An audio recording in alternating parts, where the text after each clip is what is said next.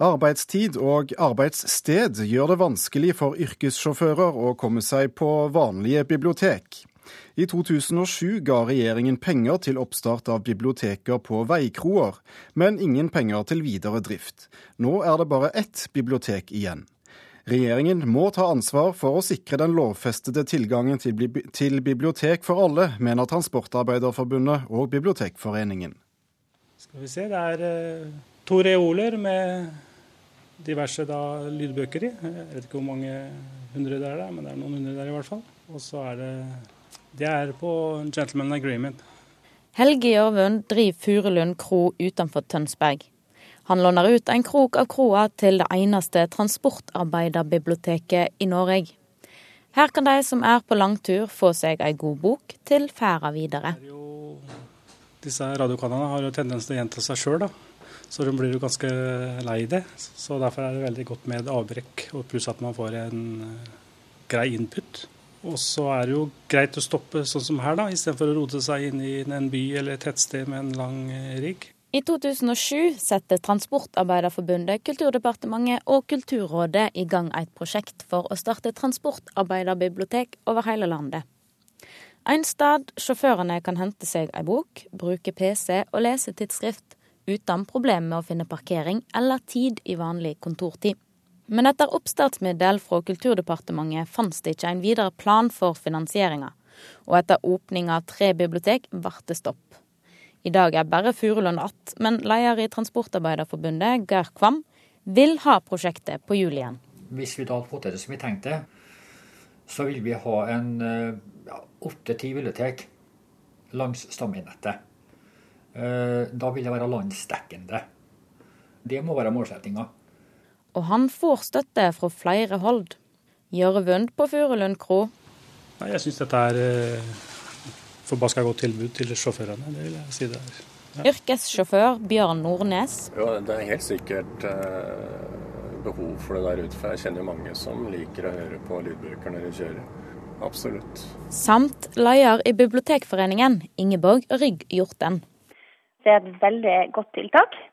Det er et ganske billig tiltak, rett og slett. Det koster ikke så mye, og det når veldig mange. Og Det er egentlig et eksempel på et problem som vi har i biblioteksektoren her i Norge. Eh, vi har mange gode prosjekter, det prøves ut mange gode modeller. Men så har vi ingen statlige midler til eh, videreføring av drift av prosjekter. For der ligger problemet pengene. Så her er rett og slett et tilbud som alle vil ha, men ingen vil betale. Fylker og kommuner har ikke råd, og staten vil ikke ta ansvaret, ifølge Kvam. Som et ti-bibliotek så får du kanskje årlige kostnader på 500 000-600 000. Det, det norske oljefondet vil nok tåle det. Vi har sendt to brev. De har ikke vært oss. Det kom klare signaler fra Kulturdepartementet i sin tid på at dette var et meget godt prosjekt som de var interessert i å følge opp. Og så mye fikk vi for det. Nei, beklager at det har tatt litt tid at de har fått svar, og nå har vi vurdert og hvor den henvendelsen. Altså hva som er beste løsningen for dem. Statssekretær i Kulturdepartementet Kjersti Stenseng sier Transportarbeiderforbundet kan søke nye prosjektmidler gjennom Den kulturelle nistepakken. Det er penger regjeringa har gitt Nasjonalbiblioteket til å fordele til kultur i arbeidsplassene. Men de er òg bare penger til oppstart. Altså Hvis du skal få en varig driftsstøtte av transportarbeiderbibliotek, så er vårt utgangspunkt at da må kommunen kommunene og regionene må bidra til å finansiere det. Så langt må altså Nordnes kjøre bil til Bæreradioen. Det er jo, la oss si, nyttig sak å kunne høre på bøker i lydformat i stedet for bare å sitte og høre på countrymusikk. Ja, Det sa til sist eh, lastebilsjåfør Bjørn Nordnes til reporter Maria Piles Svåsand. Graceland ble til på en litt spesiell måte for 25 år siden, i 1986. Kulturjournalist eh, Terje Mosnes i Dagbladet, du skal anmelde denne konserten litt senere i dag. Hva er historien bak Graceland? Den er at uh, Paul Simon på et tidspunkt da karrieren hans uh, var i trøbbel, hvor han nettopp hadde fiasko bak seg med Hearts and Bones-albumet i 1984, uh, fikk en kassett av noe som ifølge historien i hvert fall var en norsk jente som het Heidi Berg. Ga ham en kassett med nettopp uh, Boyoyo Band og, og, og, den låta vi nettopp hørte. Uh, en bootleg-kassett antagelig, med musikk fra sørafrikansk uh, townships. Og Simon tente som er kule på den musikken. Fant ut at dette var den musikken han ville lage, prøve å inkorporere i sin egen amerikanske versjon av, av popmusikk. Og insisterte på å dra til Sør-Afrika etter hvert for å møte musikerne og, og mulig gjøre innspillinger. Men der møtte han eh, motstand. Eh, hvorfor det? Ja, ikke til å begynne med, men etter hvert så ble det jo klart at uh, dette ble betrakta av mange som et brudd på den FN-boikotten, kulturboikotten av Sør-Afrika som var på den tiden. Og de spilte inn musikerne. Flere sørafrikanske musikere støttet Paul Simon i at uh, dette var musikk og skulle ikke blandes inn i politikk på den måten. De så det som om Paul Simon ga sørafrikansk musikk som sådan og disse musikerne han samarbeida med, en kjempesjanse til å gjøre både musikken og, og musikerne og Sør-Afrika som sådan kjent i verden på en måte det ikke hadde vært før. Og det var splittelse og uenighet helt opp i ledelsen i ANC om hvorvidt man skulle se gjennom fingrene med dette bruddet eller unntaket eller tøyingen eller hva du vil av, uh, av boikotten. Men i etterpåklokskapens lys er det vel ingen tvil om at uh, han, han, gjorde en god gjerning, for å si det slik? Nei, han gjorde jo det, og det, det tar oss jo rett opp i det klassiske spørsmålet. altså i hvilken grad skal individuelle hensyn få lov å gå, stå over eh, kollektive hensyn, eller hensynet til det store flertallet i en sånn konflikt. Eh, I det TV-programmet som også NRK har vist, så ser vi jo en interessant samtale mellom Paul Simon og en av lederne, en høy representant for motstandsbevegelsen. Og de redegjør saklig og greit på hver sin måte for hvilke synspunkter som lå til grunn for de enkelte standpunktene. Og de ender jo med å ta hverandre i handa og omfavne hverandre. Så det er i hvert fall full forsoning nå. Og Paul Simon ble også invitert til Sør-Afrika for å spille da Nelson Mandela ble innsatt som president. Hvordan skiller denne platen seg fra andre Simon-utgivelser? Det er jo det sørafrikanske elementet, da.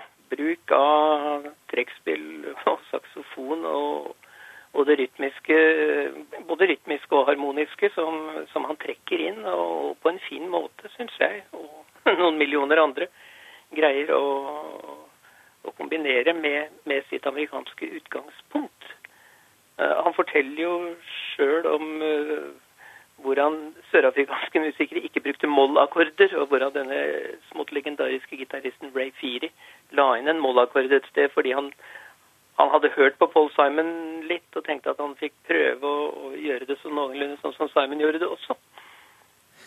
Eh, platen var en kjempesuksess da den eh, kom. Holder den seg like godt eh, i dag? Ja, jeg syns uh, Graceland holder seg minst like godt som uh, mange andre popplater med en slags ikon- eller legendestatus. Det, det er så gjennomført uh, musikalsk. og Ja, jeg syns det holder på alle måter. Takk skal du ha, eh, musikkjournalist i Dagbladet Terje Mosnes, for at du var med oss i, i Kulturnytt. Norske politikere må jevnlig slette ekstreme meninger fra sine Facebook-sider, melder Aftenposten. Innlegg som er rasistiske, kommer med trusler mot politikerne eller oppfordringer til vold, blir slettet. Men det er vanskelig å ha kontroll over meldingene som kommer gjennom sosiale medier.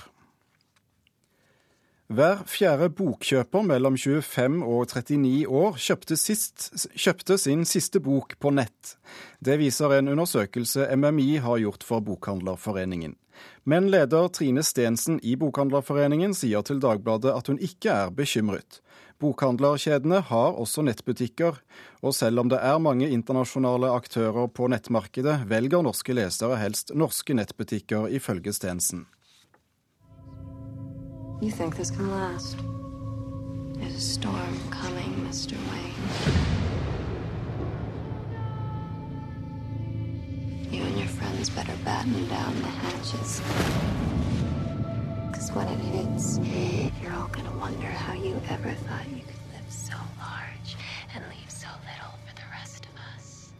Den nye Batman-filmen går svært godt i, på kino i USA. Antallet solgte billetter er det tredje høyeste i en åpningshelg noensinne, til tross for drapene under filmpremieren i Colorado forrige fredag, og dempet markedsføring av filmen som følge av det. The Dark Night Rises tjente nærmere én milliard kroner de første tre dagene, og filmen har premiere i natt her i landet. Arvingene etter den amerikanske kunstneren Robert Rauschenberg krangler med skattemyndighetene i USA. Myndighetene krever skatt av skulpturverket Canyon, som inneholder en utstoppet hvithodet havørn. Men den kan ikke selges fordi havørnen er fredet. Dermed ville et, salg vært, ville et salg vært kriminelt, og arvingene nekter derfor å betale 178 millioner dollar i skatt for et verk som ikke kan selges. Det skriver Dagens Næringsliv. Noen få dager før han skulle ha stått på scenen som den flyvende hollender eh, og åpnet den legendariske Wagner-festivalen i Bayreuth, trakk hovedrolleinnehaveren Jevgenij Nikitin seg pga. en hakekorstatovering han har på brystet. Nazisymbolikk fortsetter å hjemsøke Hitlers foretrukne festival. På onsdag skulle han ha åpnet Wagner-festivalen i Bayreuth, i tittelrollen i operaen Den flygende hollender. I helga trakk han seg etter at den tyske TV-kanalen Deutsche Welle viste ham i bar overkropp med et hakekors tatovert på brystet. Evgenij Nikitin var på 80- og 90-tallet trommis i flere russiske heavy metal-band. Og tatoveringen, som nå er delvis gjemt under en nyere tatovering, stammer fra denne tiden.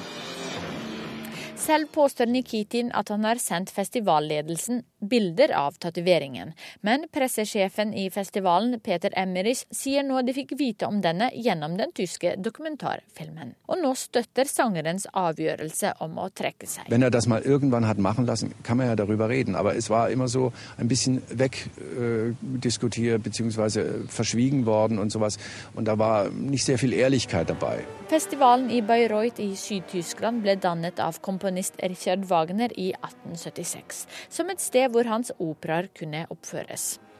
Den har i flere tiår vært en stor happening i operaverden, med flere års ventetid på billetter. Wagners antisemittisme og Hitlers forkjærlighet for komponistens musikk har brakt festivalen i mange kontroverser. Sist i 2008, da en oppsetting av Parsifal vakte mye misnøye fra publikum og presse. Da regissør Stefan Herheim hengte opp nazisymboler på scenen. Egil Akselsen, medarbeider eh, her i NRKs musikkredaksjon. Du er en av få nordmenn som har vært eh, på Bayreuth-festspillene mange ganger. For det tar mange år å få, billetter dit, og du skal ned igjen nå. Er det overraskende at hovedrolleinnehaveren i åpningsforestillingen blir byttet bare dager før det hele skulle braket løs? Nå er vi vel ikke så få som har hatt anledning til å være i Bayreuth, men det var nå den siden. Men at han Jeg har forstått det slik at det var uh, skandaleavisen uh, Bild am Sonntag som først slapp denne historien om dette hakekorset og denne ulykksalige videosnutten som altså nå da går over hele internett. Og da kan man jo spørre seg eh, Hardrock-miljøet har jo alltid lekt med nazisymboler, eller nazilignende symboler. En av de mest kjente gruppene bruker jo til og med SS-runene i navnet sitt. Og vil man da påstå at disse er kryptonazister, eller eh, at tilhengerne deres har nazisympatier? ikke sant? Det er altså en, en det er det mest ondskapsfulle du kan gjøre mot et menneske, er å antyde at det er strippete. Det er jo det man har gjort mot Nikitin. Ja, for Nikitin eh, er altså tidligere russisk heavy-rocker, men, men, har skal vi si, konvertert til opera. En av vår tids store store bassbaritoner, og synger Wagner verden rundt. Og til Bayreuth blir man altså invitert. Man søker ikke jobb der, man blir invitert når man etter Wagner-søstrenes mening er moden. Men da må kanskje festivalledelsen ha kjent til eh, både tatoveringen og forhistorien hans? Det vet man da åpenbart ikke nøyaktig. og Eh, siden denne tatoveringen for lengst er overtatovert og i dag ser helt annerledes ut, så kan man jo da spørre seg skal han straffes for denne ungdomssynden. Er det, er det rimelig? Men altså, i, i, Tyskland er jo dette så betent at, at, det er jo blitt en kjempeagurk. Ja, hvorfor er det så betent? Fordi eh, altså 40 år etter Wagners død kommer Adolf Hitler til Bayreuth og holder der sin aller første store kulturpolitiske tale. Og så, eh, så er jo Wagners døtre Den ene Eva er jo da gift med stornazisten Stuart Chamberlain. Og denne Chamberlain blir jo da opphavet til legenden om dolkestøtet som gjorde at Tyskland tapte første verdenskrig og jødene har skylda. Og med nazismen i, og Hitlers ekstreme begeistring for Wagner, ikke sant, så ble jo da Når Hitler først blir kansler, så blir jo hele, hele Bayreuth et, et nazireir, for å si det sånn. Så hele byen er jo dekorert med hakekors og bilder av Hitler og, og, og sånt. Så dette, dette er, jo veldig, veldig betent. Jeg hørte hun tok med dette at eh, Stefan Herheim tok med hakekorset i, i sin regi av Parsifal. Hans Parsifal er en gjennomgang av tysk historie fra 1848 til 1948. Og da må vi altså i hvert fall i underkant av ti minutter innom hakekorset. Mm. Og det utløste en del knurring i salen. Man, man syntes ikke det var hyggelig å se det, men det gikk jo, braste jo i gulvet og ble knust. Og da var det begeistring. Så, ja. Ja. Vil, vil, dette stadig forfølge festivalen? Ja. Det kan, man, det kan, man, godt si. Det er denne engelske, engelske skuespilleren, jødiske Stephen Fry, som har laget en fantastisk film om sin pilegrimsferd til Bayreuth. Og han sier vel at det er en, det er en skjolde på bildet. En skjolde som aldri kommer til å gå bort. Men eh, vi kan fortsatt nyte bildet. Mm. Uh, Jevgenij Nikitin, som nå da har mistet jobben eh, i, i Bayreuth, uh, vil han få store roller igjen? Det er jo det som er spennende. da. Hvor, hvor, hvor, stor skade har dette gjort på han? Når han da står på scenen, enten altså nå ikke i Bayreuth, men vil folk se f.eks. hollenderen, eller vil de se mannen med hakekorset? Det er det som er tragedien her. Han er ødelagt. Og det kan kanskje være en advarsel til uh, folk som driver og tatoverer seg i alle bauger og kanter, og kanskje ikke tenker på at en gang, en gang i livet så kan dette være øh, problematisk. Ja. Vi får la det være en advarsel. Takk skal du ha, Egil Akselsen. Fransk-algeriske Hélène Sixou er mest kjent for faglitterære og skjønnlitterære verk. Nå har hun skrevet en serie små bøker der leseren ikke får noen pekepinn om hva slags sjanger vi har med å gjøre. Kanskje det er fordi Sixou mener hun har laget en egen type litteratur. Vår kritiker Marta Norheim gir henne i hvert fall delvis rett i det. Av og til er biografisk kunnskap den beste veien inn i ei bok, og slik er det her. Forfatteren Hélène Sixou ble født inn i en jødisk familie i Algerie i 1937, der hun vokste opp med tysk som første språk. Etter hvert flytta hun til Frankrike, der hun ble forfatter, litteraturforsker og feminist. Det er noe med språk og nasjonalitet og kjønn og jødisk tilknytning som gjør at Sixou definerer seg som en marginal person på mange områder. Det hender at hun tøyer denne marginale identiteten sin utover denne leserens tålegrenser, men det gode ved denne insisteringa på å være utafor, er at hun bruker det som en styrke, iallfall i hovedsak gjør hun det. Hun kan bryte regler, hun kan skrive slik hun finner det for godt, hun er fri. Og denne fridommen bruker hun mellom annet til å skrive særegne eruptive tekster, der ordflaumen har i seg det konkrete så vel som det filosofiske, og ikke minst kjensler og metakommentarer. Her får både kropp og sjel og intuisjon og intellekt spiller sammen med språket, som naturligvis også er gjenstand for utforsking. I en serie små bøker har hun nøsta opp livet sitt, og det er naturlig å se hyperdraumer som fjerde bok i denne serien. Det konkrete i denne boka er at vennen og filosofen Jacques Derrida er død, og snart skal den gamle mora hennes gå samme vegen. Jeg siterer. Du grev håler under senga mi, sier mor mi. Når det gjelder å være forarga, har hun kreftene sine intakte og retten på si side. Jeg kunne godt si det motsatte, det er hun som grev håler under senga mi. Jeg søv overlevende, jeg er uthåla av den døden hun snart skal velte over meg. Sitat slutt. Hyperdraumer er ei gripende lita bok om å se de nærmeste falme og døy, noe Sikso har et anstrengt forhold til etter at far hennes døde da hun var ti år. Det er også ei filosofisk bok om tap og om tid, og om hvordan en kan ta vare på det vennskapen gav en, også etter at vennen er død.